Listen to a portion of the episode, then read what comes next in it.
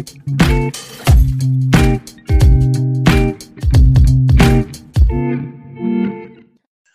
kerabat, selamat datang kembali di Sakal, Sabda Kerabat Antropologi UB. Sudah hinggamu nikmati Sakal. Oke, di episode kali ini aku Firas dari Angkatan 2021 bakal nemenin kalian nih bareng sama Aku Greg dari Angkatan 2021.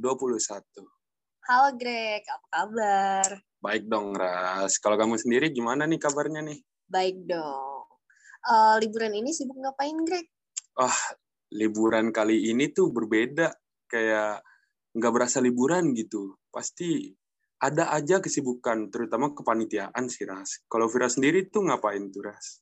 Sama sih, kayak uh, banyak kegiatan organisasi, terus kepanitiaan, kayak gitu-gitu deh, Greg. Emang sih, emang liburan kali ini pokoknya nggak berasa liburan deh. Oh iya, kita di sini tuh nggak cuma berdua doang loh, teman-teman Kebetulan kita juga ditemenin sama salah satu kerabat dari antropologi angkatan 2011 yaitu Mas Andika. Halo Mas Andika, apa kabar Mas? Halo Viras dan Greg, nah, kabar baik. Kalian gimana baik-baik ya kayaknya dari suaranya happy berdua ya. Happy selalu dong Mas. Nah, langsung aja nih Mas. Selama beberapa waktu ke depan kita bakalan ngobrol, nanya-nanya tentang gimana sih pengalamannya Mas Andika saat masih jadi mahasiswa antropologi UB hingga sekarang di dunia kerja. Mungkin dimulai dari perkenalan dulu kali ya Mas, bisa disebutin nama, umur, domisili, kesibukan sekarang, hobi juga boleh, biar para pendengar kita tuh juga bisa kenal gitu lebih dekat sama Mas Andika. Oke, kalau gitu terima kasih uh, Firas dan Jack. Jadi perkenalkan nama aku Andika. Aku uh, dulu sempat kuliah di Antro Brawijaya angkatan 2011. Terus sekarang umur nggak usah kali lah ya, udah 2011 ya kira-kira aja sendiri lah. Ya. Terus kalau domisili sekarang di Bekasi kebetulan. Kan sekarang masih bekerja uh, hobi hobi apa ya hobi sih sebenarnya punya hobi naik gunung cuma karena udah lama udah uh, naik gunung jadi hobinya sekarang ya boleh dibilang paling baca-baca aja atau uh, bikin kopi kali ya gitu sih gitu kira-kira perkenalan singkat dari aku Piras dan Greg dan semua teman-teman yang dengar Oke, makasih Mas. Tapi sebelumnya aku bisa manggil Mas siapa nih Mas Andika? Mas Dika aja. Panggil, panggil Andika aja nggak usah pakai mas-masan segala deh. Mana-mana. Langsung aja kali ya Mas ya. Untuk pertanyaan pertama nih, bisa diceritain nggak alasan kenapa milih jurusan antropologi buat kuliah? Terus kayak kenapa sih pilihannya tuh Universitas Brawijaya gitu Mas? Wah, kalau pilihan kenapa antrep sebenarnya nggak ada nggak spesifik antrep ya cuma dulu kan aku kuliah eh kuliah lagi SMA tuh IPS terus uh, apa namanya pengen dulu pengen naik gunung Semeru naik gunung Semeru cuma waktu zaman SMA tuh nggak punya duit gitu kan. Terus gimana caranya tuh biar bisa punya alasan buat naik gunung Semeru. Jadi akhirnya ya udahlah ambil kuliah di Malang aja kali ya. Terus lihat-lihat jurusannya apa nih. Kayak nggak pernah tahu tuh uh, antrop gitu. Antrop tuh apa gitu ya kan. Terus masuknya ilmu budaya nih. Kayaknya asik nih budaya nih. Ya udah terus uh, ikut tes SNMPTN waktu itu. Itu ujian tulis. Um, habis itu uh, keterima di Brawijaya udah gitu ceritanya simpel gitu sih oh berarti mas tuh jalur masuknya tuh uh, jalur tes ya mas ya Iya, kalau sekarang mungkin namanya SBMPTN kali ya. Nah, iya iya ya. Uh, sekarang tuh namanya tuh jalur SBMPTN. Nah uh, di pas masa kuliah sendiri itu uh, ngekos atau ngontrak? Wah ini agak complicated juga nih. Jadi ini ini ya namanya uh, di tahun pertama ngekos, tahun pertama ngekos terus nggak punya duit, akhirnya nggak uh, ngekos lagi, akhirnya numpang sama teman lah itu ada anak antrap juga uh, angkatanku. Uh, dia ngontrak ya dia ngontrak bareng teman-temannya gitu. Terus kira karena uh, entah gimana ceritanya terus akhirnya aku numpang deh sama dia sampai akhirnya sampai lulus gitu literally numpang gue bukan bukan ikut kontrak gitu Oke, berarti cuma tahun pertama gitu ya mas ngekosnya, sisanya uh, ngontrak bareng anak-anak lain gitu ya mas? Ah, ah benar gitu. Nah, kan uh, ya berarti bisa dibilang lah selama masa kuliah kalau Mas Andika ini ngontrak sama teman-teman. Nah, kan Mas Andika ini kan sempat ngontrak di Malang. Menurut Mas sendiri, uh, enak nggak sih tinggal di Malang gitu Mas? Kalau untuk uh, tinggal sih mungkin enak ya. Uh, enaknya kalau ya kalau kalian cukup proper dengan uh, apa namanya persiapan yang cukup mungkin akan menjadi enak. Tapi sejauh uh, selama aku di Malang sih cukup cukup menyenangkan ya tinggal di Malang itu. Um, ada banyak hal-hal baru yang nggak aku temuin selama dulu aku di Jakarta Bekasi gitu ya. Nah, kalau masalah hal-hal baru gitu, Mas, kayak apa sih yang ngebedain Malang sama lingkungan tempat yang Mas tinggal gitu? Yang ngebedain misalnya eh, lingkungannya atau apanya sosialnya gitu, Mas? Nah, sebenarnya kalau yang paling kentara sih tentu saja udara ya. Waktu itu uh, salah satu dorongan ke Malang tuh karena Bekasi itu panas banget ya. Jadi aku pengen kuliah tuh tempat yang adem gitu kan. Tapi kayak pikir Bogor IPB tuh ternyata di Dramaga kan. Terus kalau Unpad tuh kayaknya aduh males ngalamin kedekatan gitu kan. Terus Brawijaya Malang nih kayaknya menarik gitu ya. Jadi yang paling kentara pertama uh, udara gitu kan. Terus yang kedua paling ini ya teman-teman teman-temanku ya. Jadi karena uh, Antop itu seangkatanku itu anak Jakarta itu yang SMA Jakarta ya itu cuma dua orang gitu. Jadi semuanya itu teman-temannya uh, benar-benar harus uh, bisa ngerti banget bahasa Jawa dan segala macam lainnya gitu. Itu sih yang uh, menarik ya. Nah dari uh, perbedaan itu tadi kalau first impressionnya Mas Andika nih waktu pertama kali ke UB sebagai status uh, mahasiswa UB gitu. Kayak gimana tuh Mas? Impressionnya nih kampus kok kecil amat ya. Jadi kecil banget gitu kan. Jadi uh, kalau di Jakarta kan uh, benchmarknya pakai UI gitu ya kan. Karena Brawijaya mungkin uh, masih ya boleh dibilang apa namanya satu level sama UI gitu ya. Jadi kalau bandingannya karena waktu itu pernah ke UI terus begitu masih ke Brawijaya itu kayak waduh kecil banget nih kampus gitu. Kayak cuma 10 menit 15 menit tuh kelar muterin kampus gitu. Jadi itu sih first impressionnya sama Brawijaya kalau first impression sama Malang sendiri waktu itu turun dari kereta Mata Remaja jam jam 5 pagi ya jam 5 jam 6 pagi impressionnya tuh langsung wah kayaknya emang nggak salah nih kuliah di sini emang udaranya adem banget sih teduh dingin mulai dari first impression Nah, kalau tadi kan uh, soal first impression ya, Mas, tentang kampus. Nah, sekarang kita masuk ke ranah antropologi nih. Yes. Kalau menurut menurut Mas Andika, uh, antropologi UB ini sesuai nggak sih sama ekspektasinya Mas Andika sendiri? Atau ada perbedaan gitu antara antro UB yang udah Mas bayangin sebelumnya dan kayak kenyataannya gitu waktu udah terjun ke dalam antropologi Universitas Brawijaya?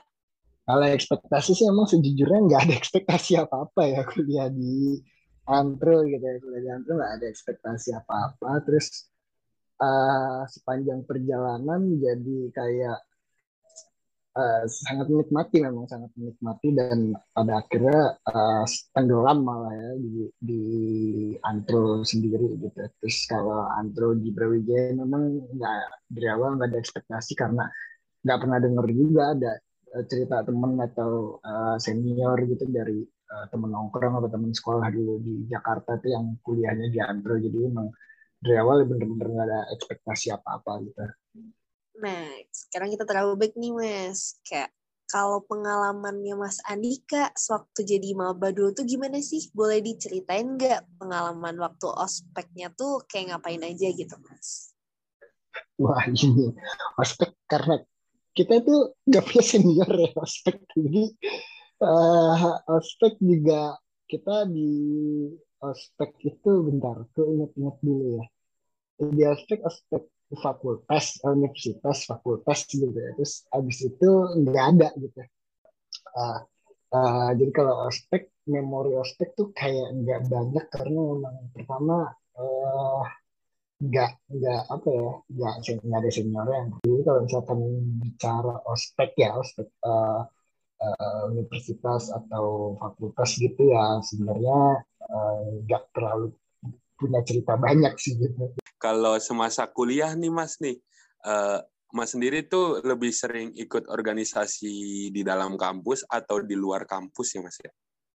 Wah kalau aku anaknya anak kampus banget lah sampai waktu waktu itu masih boleh uh, tidur di kampus kan ya.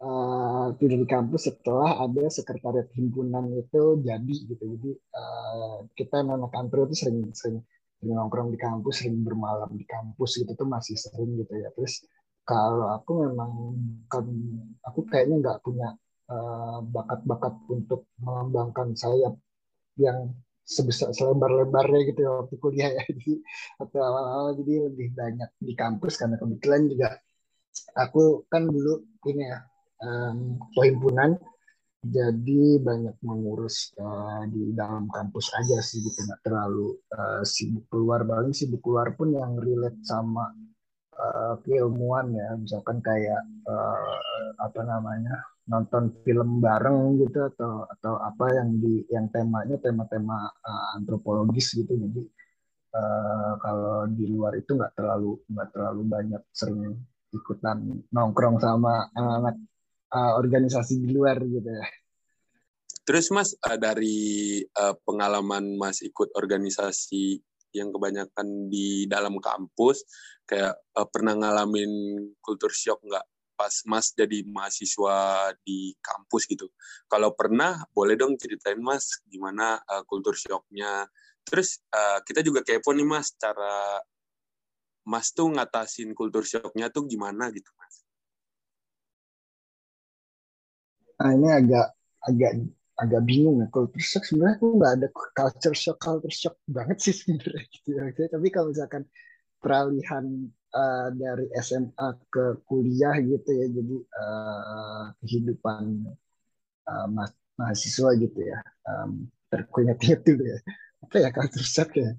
Culture shocknya mungkin waktu itu aku tuh nggak punya uh, pengalaman untuk uh, mengurus suatu organisasi yang cukup rapih gitu ya terus tiba-tiba aku di, dipilih sama teman-teman itu jadi ketua himpunan. Itu sih paling culture shock kayak gitu. Terus um, strateginya sih waktu itu ya uh, pertama sih aku waktu itu belum belum membentuk banyak hal jadi aku masih mempelajari aja dulu. Itu butuh waktu cukup panjang ya satu tahun sih untuk mempelajari uh, bagaimana sih cara untuk uh, membangun organisasi mahasiswa sih kayak gitu-gitu paling culture shock ya itu mungkin itu bisa masuk culture shock yang di jadi ekspektasi kalian atau enggak mungkin kebanyakan dari kebanyakan juga masuk sih mas kalau culture shocknya seperti itu. Uh, terus mas uh, ceritain dong mas, boleh nggak mas ceritain kesannya selama berkuliah di antropologi gitu? Antropologi UB kayak dosennya gimana, mata kuliahnya menurut Mas gimana, dan pergaulan yang Mas alamin di lingkungan antrop tuh uh, gimana gitu Mas. Kayak terlebih kan ada kalau Mas kenal tuh uh, dunia perincesan gitu Mas. Itu boleh dong diceritain Mas. ya, ya, ya. Um, uh, overall menyenangkan ya kuliah di Antro itu. Uh, sangat menyenangkan buat masa-masa S1 itu. Itu adalah masa-masa yang uh, benar-benar aku merasa aku banyak uh, melakukan eksplorasi. Terus juga uh, punya banyak support system di masa itu. Uh, kemudian kalau selama perkuliahan tuh benar-benar sangat menyenangkan ya menurutku. Jadi uh, kalau kuliah dulu aku nggak tahu sekarang itu mungkin kalau ini ntar aku di dimarahin dosen kalian ya. Jadi zaman dulu kuliah itu masih pakai bisa pakai uh, sendal jepit, uh, sarung gitu, kaos itu tuh masih masih uh, sangat biasa gitu kan. Jadi uh, sangat menyenangkan karena memang pada waktu itu uh, kita itu uh, yang dituntut adalah pemahaman secara ini ya apa namanya secara antropologisnya yang dibentuk ditemukan kemudian pendisiplinan secara uh, apa namanya penampilan yang kemudian diutamakan gitu. Jadi menurutku itu sangat menyenangkan dan kedua ketika masa kuliah itu menyenangkan dengan dosen-dosen itu benar-benar uh, hubungannya uh, hampir tidak berjarak ya kalau boleh dikatakan karena uh, saya dengan dosen aku dan dosen itu paling bedanya lima enam tahun kan nggak terlalu jauh terus udah gitu um, apa ya uh, mereka mereka cukup sering ngajak kita nongkrong gitu uh, baik ketika di dalam kampus ataupun di luar gitu. Terus ketika nongkrong ya uh, ada banyak hal yang dibicarakan gitu. Jadi sampai kita itu camping bareng gitu naik gunung bareng gitu sempet gitu kan. Uh, tamasya bareng gitu. Jadi menurutku sangat menyenangkan uh, pada waktu itu. Terus apa lagi ya tadi pertanyaannya? Kayaknya udah itu aja. Mungkin uh, bisa diceritain mas kayak di angkatan-angkatan awal tuh uh, budaya dunia perincesan tuh bagaimana gitu mas? Oh di angkatan-angkatan awal lagi biasanya deh. Nah, apa ya, perbincangan lumayan dinamis sih kalau saya bilang, lumayan dinamis um, dan penuh dikaliku pastinya gitu ya. Jadi uh, ya ada yang berhasil, ada yang juga selama pas kuliah udah uh, selesai dan ya macam-macam gitu jadi uh, cukup menyenangkan gitu. Ini pertanyaan ini kayaknya untuk mencari tahu Greg ya. Greg mau cari tahu apakah ini punya prospek yang baik atau enggak gitu ya. Betul sekali mas. Apakah bisa memiliki peluang gitu mas? Atau tidak? Oh banyak yang berhasil tuh banyak gitu. Yang berhasil oh, banyak. Uh, uh, um, yang nggak berhasil mungkin hanya sebagian kecil yang menurutku ya. Uh, kalau yang apa namanya bisa bisa selamat dari beberapa selama beberapa semester itu biasanya selamat mereka. gitu. Tadi kan kita udah bahas tentang uh, gimana sih di Android tuh bahas tentang incest juga tuh. Uh, terus kalau tentang pengalaman yang paling berkesan nih mas selama empat tahun kuliah di Malang, ada ada gak tuh mas kayak kalau ada boleh diceritain gitu ke kita yang masih barusan terjun di dunia kuliah. Gue pengen jawab, ntar arahnya ke sana lagi nggak nih? ya, ya coba dulu mas. Mungkin kalau misalnya arah ke sono, uh, sinyalnya jelek lagi mungkin mas. Oh iya, boleh, boleh. boleh. ya, yang paling menyenangkan kalau dari aku uh, proses belajar uh, proses belajar secara teoritik dan metodologis itu yang benar-benar uh, sangat menyenangkan sampai akhirnya aku tenggelam dan menikmati dan sekarang terus uh, menyusuri uh, itu gitu ya. Jadi secara teoritis secara metodologis sampai sekarang aku juga masih terus um, uh, punya berangkat dari dari apa namanya dari masa kuliah di Antro gitu ya. Um, Terus itu kalau dari sisi akademik ya mungkin dari sisi akademik ya. Kalau dari sisi non akademik yang menyenangkan itu kayaknya uh, cukup banyak, menegangkannya juga lebih banyak kayak gitu. Jadi uh, yang menyenangkan itu apa ya? Sebentar, aku inget-inget. Yang menyenangkan adalah Hmm, oh tentu saja memang kan adalah melihat teman-teman uh, di Antro sekarang sudah banyak berkembang. Eh itu kerusuh banget ya. eh kalian gak usah di mute gitu kayaknya lebih enak ngobrol biasa gak sih? Sepertinya iya. Kita pengen masuk gitu takut bentrok sebenarnya mas. Jadi ngatur ya, ya mohon maaf nih. nah, yang menyenangkan coba coba kasih ini dan kasih kasih um, uh, kalau di riset itu kan ada probing ya probing. Saya kasih probing juga mungkin mungkin ini kali mas. Kayak uh, nggak harus menyenangkan tapi yang paling mas ingat gitu mas selama kuliah.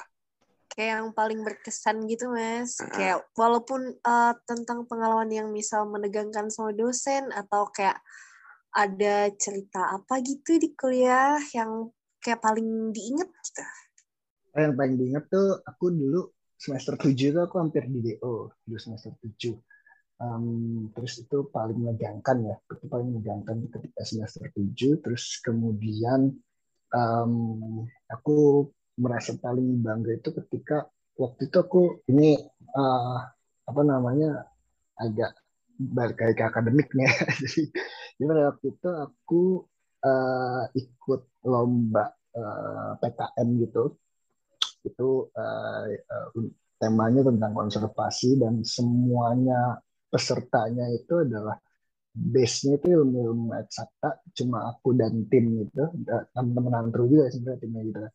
Yang satu-satunya yang dari ilmu sosial dan kita itu berhasil jadi uh, juara tiga dan punya apa namanya dan jadi pemakalah terbaik di uh, lomba itu gitu ya. jadi itu membuat aku tuh sangat membanggakan achievement selama kuliah yang cukup uh, mengesankan gitu. dan yang mengesankan lagi itu ketika semester semester berapa ya 2013 itu ya, ya semester 6 semester eh, semester 5 6 mungkin ya itu ada satu pergolakan gitu di kampus dan waktu itu itu teman-teman benar-benar sampai uh, down terus sampai drop terus itu kemudian aku di situ uh, merasa bahwa apa ya ada ada ada nggak bukan tanggung jawab juga sih. Jadi kayak uh, ya aku harus tahu gimana caranya untuk naikin semangat teman-temanku lagi gitu untuk uh, menyelesaikan studinya dan waktu itu aku dibantu sama beberapa teman antro juga untuk kemudian uh, pada akhirnya bisa untuk um, meningkatkan lagi semangat uh, dari teman-teman antro ini untuk menyelesaikan studinya. Gitu sih itu yang paling berkesan buat aku itu ya. Uh, di luar masalah yang sifatnya di luar yang sifatnya personal kayaknya ya itu sih Oh gitu. Jadi kayak uh, di antro tuh juga susah ya mas ya. Dan kayak udah banyak lika-likunya gitu ya mas alamin. Nah dari uh, kisah perjalanannya uh, dari kisah perjalanan mas dulu nih uh, selama kuliah, terus kayak udah melewati lika-liku kayak yang tadi mas ceritain. Terus sekarang udah kerja juga. Itu tuh kayak itu nggak sih mas? Apa ya? Uh, usahanya dalam mencari pekerjaan sekarang tuh ada kesinambungannya nggak sama yang dulu dialamin gitu di kuliah? Kan tadi mas bilang kayak ningkatin sama teman-teman buat saya studi nah sekarang mas sudah kerja terus kayak apa yang mas pelajarin dulu di kuliah tuh uh, berkesinambungan dengan pekerjaan mas. Sekarang apa gimana tuh mas? Boleh diceritain nggak Uh, kalau berkesinambungan kebetulan iya gitu ya karena um, ya nggak tahu mungkin memang jalannya ke situ kali ya jadi uh, cukup berkesinambungan dari bagaimana aku kuliah dulu mempelajari apa terus punya interest di apa dan sekarang uh, kerjaannya ya yang memang di bidang itu gitu kebetulan sih seperti itu gitu.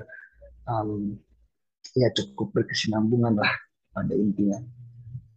Nah, kalau berkesinambungan berarti gak jauh-jauh dari antro dong, Mas. Uh, kalau boleh tahu, sekarang uh, di bidang apa sih, Mas? Uh, sekarang aku jadi peneliti um, untuk salah satu uh, media di Indonesia.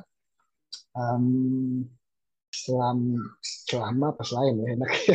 Nah agak bingung nih kalau misalkan ntar kedengeran banyak orang agak repot nih. Jadi uh, sebelum di sini aku banyak bekerja juga sebagai peneliti. Um, untuk ber, uh, beberapa project memang ya jadi um, cukup berkesinambungan dengan apa yang aku pelajari dan apa interestku dari uh, masa kuliah dan sekarang sebagai peneliti. Nah, kalau penelitiannya tuh kayak di bidang apa sih mas yang paling sering? Atau kayak tetap aja gitu di satu bidang dan itu kayak ditekunin di uh, terjun lebih dalam di bidang tersebut gitu mas? Kalau satu bidang khusus gitu sebenarnya interestku ada di bidang agraria dan lingkungan ya. Tapi um, apa namanya yang lebih praktikal itu di metodologinya jadi aku banyak uh, bekerja sebagai uh, peneliti kualitatif peneliti etnografi dan untuk temanya gitu ya tema tema itu bisa beragam mulai dari uh, kesehatan pendidikan atau uh, apa ya yang paling yang paling yang paling jauh itu adalah uh, finance financial product gitu. Atau jadi pengembangan pengembangan startup gitu. Kayak kayak user experience product misalnya gitu lah um, terus apa lagi ya tadi pertanyaan apa lagi? Coba. Mas kalau yang sepengalaman Mas nih uh, dalam dunia pekerjaan, penelitian terunik tuh apa gitu Mas yang pernah Mas teliti? Penelitian terunik atau paling mengesankan? Unik tuh agak unik. takutnya nih agak agak agak agak sentimen rasis ntar.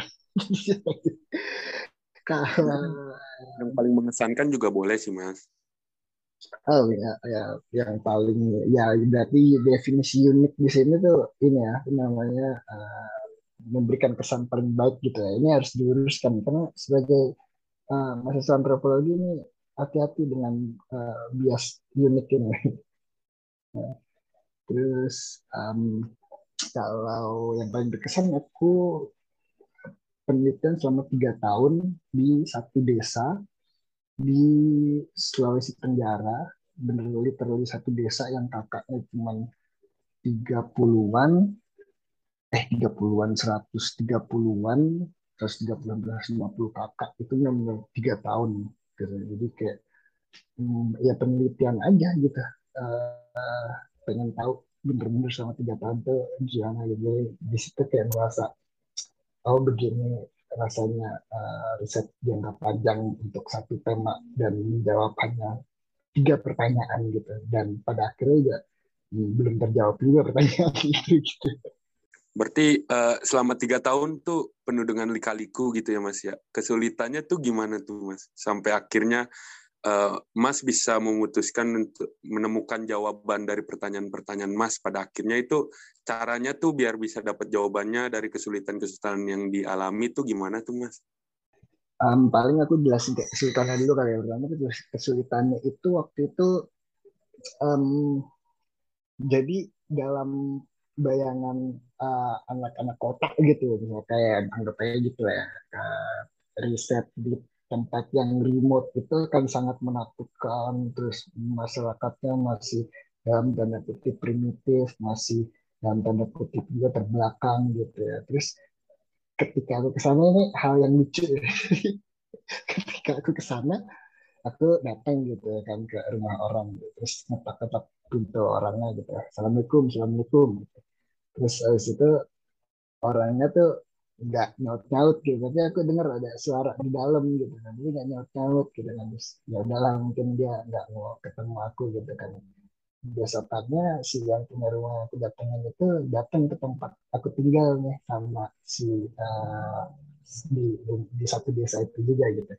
Terus si si yang punya rumah yang aku datangin kemarin itu dia cerita ke uh, yang punya rumahnya. Dia bilang begini oh ternyata itu dia sekarang lagi penelitian di sini tuh nah, orang mana kayak itu dia? Orang Jawa? Eh saya kira orang Papua jadi saya takut saya tidak ah saya tidak kasih buka tuh pintu karena saya takut dengan orang Papua gitu. Jadi agak eh, kebalikan gitu ya jadi dari situ ya itu masalahnya sih yang terselesaikan sendiri kayak gitu berarti ya Nah, dari uh, penelitian itu, kalau sekarang tuh gimana sih Mas penerapan ilmu antropologi yang dulu dipelajari waktu kuliah, uh, yang sampai sekarang tuh masih Mas terapin gitu di pekerjaan Mas ini? di penelitian juga gitu sampai sekarang yang masih uh, diterapkan atau kayak apa yang tetap uh, diaplikasikan gitu di, dari sekian banyak ilmu antropologi yang ada di bangku perkuliahan? Oke, yang pertama itu sebenarnya ini uh, mahasiswa secara umum ya. Jadi itu uh, aku belajar untuk lebih metodologis. Jadi metodologis itu artinya uh, lebih tersusun gitu ya. Rencana kerja itu lebih tersusun dan uh, bagaimana cara untuk uh, menjawab objek gitu itu uh, kita bikin step-stepnya gitu. Dan juga kita bikin uh, mitigasinya gimana itu yang aku pikir uh, sangat membantu gitu. Yang pertama itu yang kedua aku pikir uh, antropologi itu mengajarkan kita untuk berpikir lebih holistik gitu. Jadi misalkan ya misalkan kamu uh, itu sedang um, nggak uh, mesti riset sih sebenarnya apa ya misalkan kamu mau bikin plan untuk uh, uh, postingan sosial media gitu ya. Terus uh, tempat kamu bekerja itu adalah di bidang um, apa misalkan uh, fashion gitu ya. Jadi kamu ketika menyusun rencana postingan uh, sosial media itu itu nggak melulu nanti bicara soal fashion uh, yang secara uh, ketat gitu ya.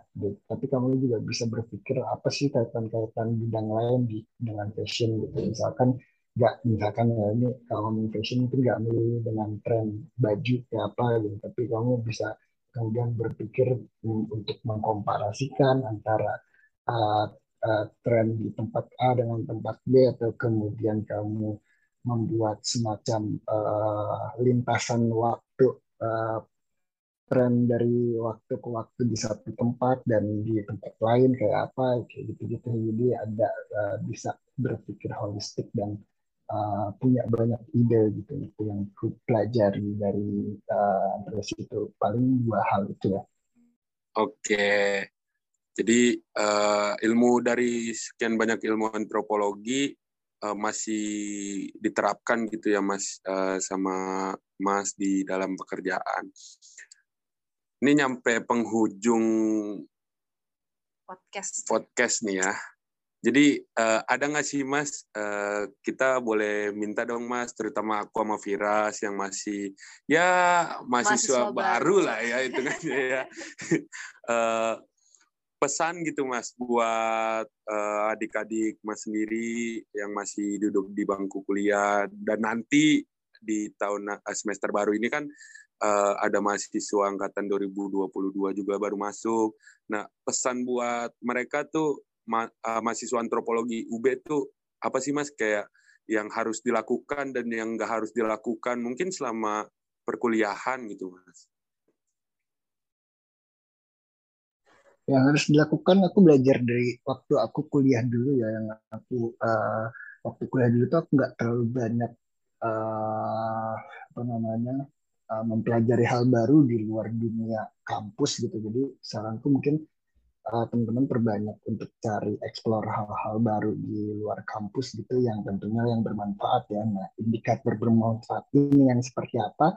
Itu balik lagi ke trajektori teman-teman itu mau uh, mau mencapai ke arah mana gitu. Itu sih yang uh, cukup penting gitu. Dan kalau yang nggak dilakukan ya sebaliknya. Um, jangan explore hal-hal yang uh, sifatnya negatif gitu ya. Atau toxic gitu ya. Toxic toxic lagi deh toxic. Um, karena itu akan buang-buang waktu aja sih. Ngapain juga gitu Oke, jadi mungkin itu bisa kita terapin kali ya Ras ya. Iya dong. Mungkin uh, penonton atau pendengar setia Sakau ini juga bisa menerapkan pesan dari Mas Andika gitu.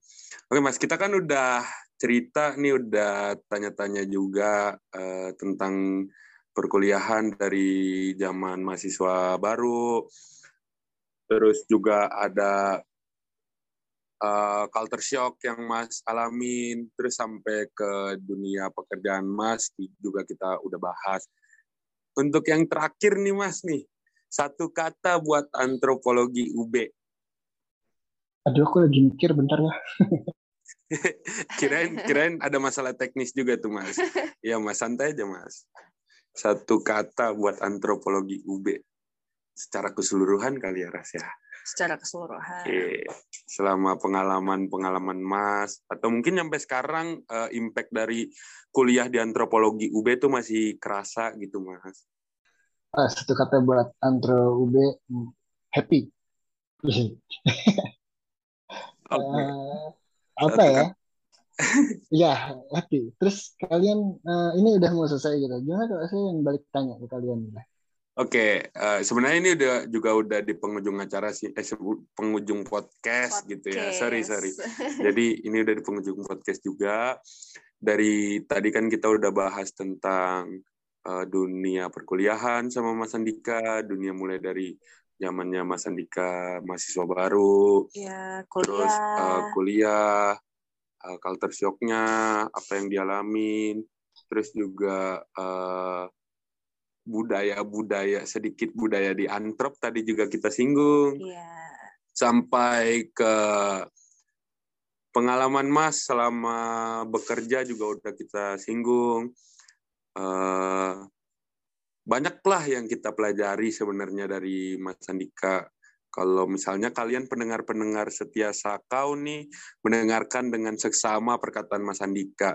Untuk yang terakhir satu kata buat antropologi UB yang tadi happy ya bisa diterjemahkan secara masing-masing kali ya. Iya. Happy-nya di mana, happy-nya sama siapa. Mungkin di antropologi UB ada yang buat happy juga nggak ada yang tahu. Ya kan? Oke, jadi uh, Mungkin kata penutup dari kita, terima kasih Mas Andika udah menyempatkan waktunya untuk bergabung, bersedia ya, bergabung, bergabung sama kita di bincang-bincang episode ini. kali ini.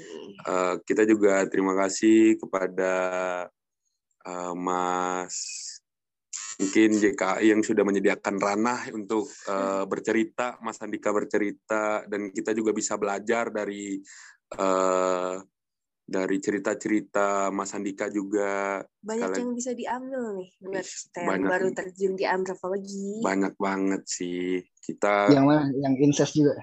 Eh kalau yang itu Bukan. mungkin nanti kita bahas setelah ini kali ya Mas ya.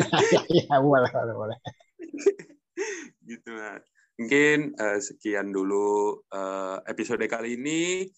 Aku harap dari pendengar setia Sakau nih ada yang bisa diambil dan juga bisa dipelajari, kekurangannya ya bisa diubah untuk ke depannya buat pendengar bisa lebih baik dalam perkuliahan antropologi. Ya, ya.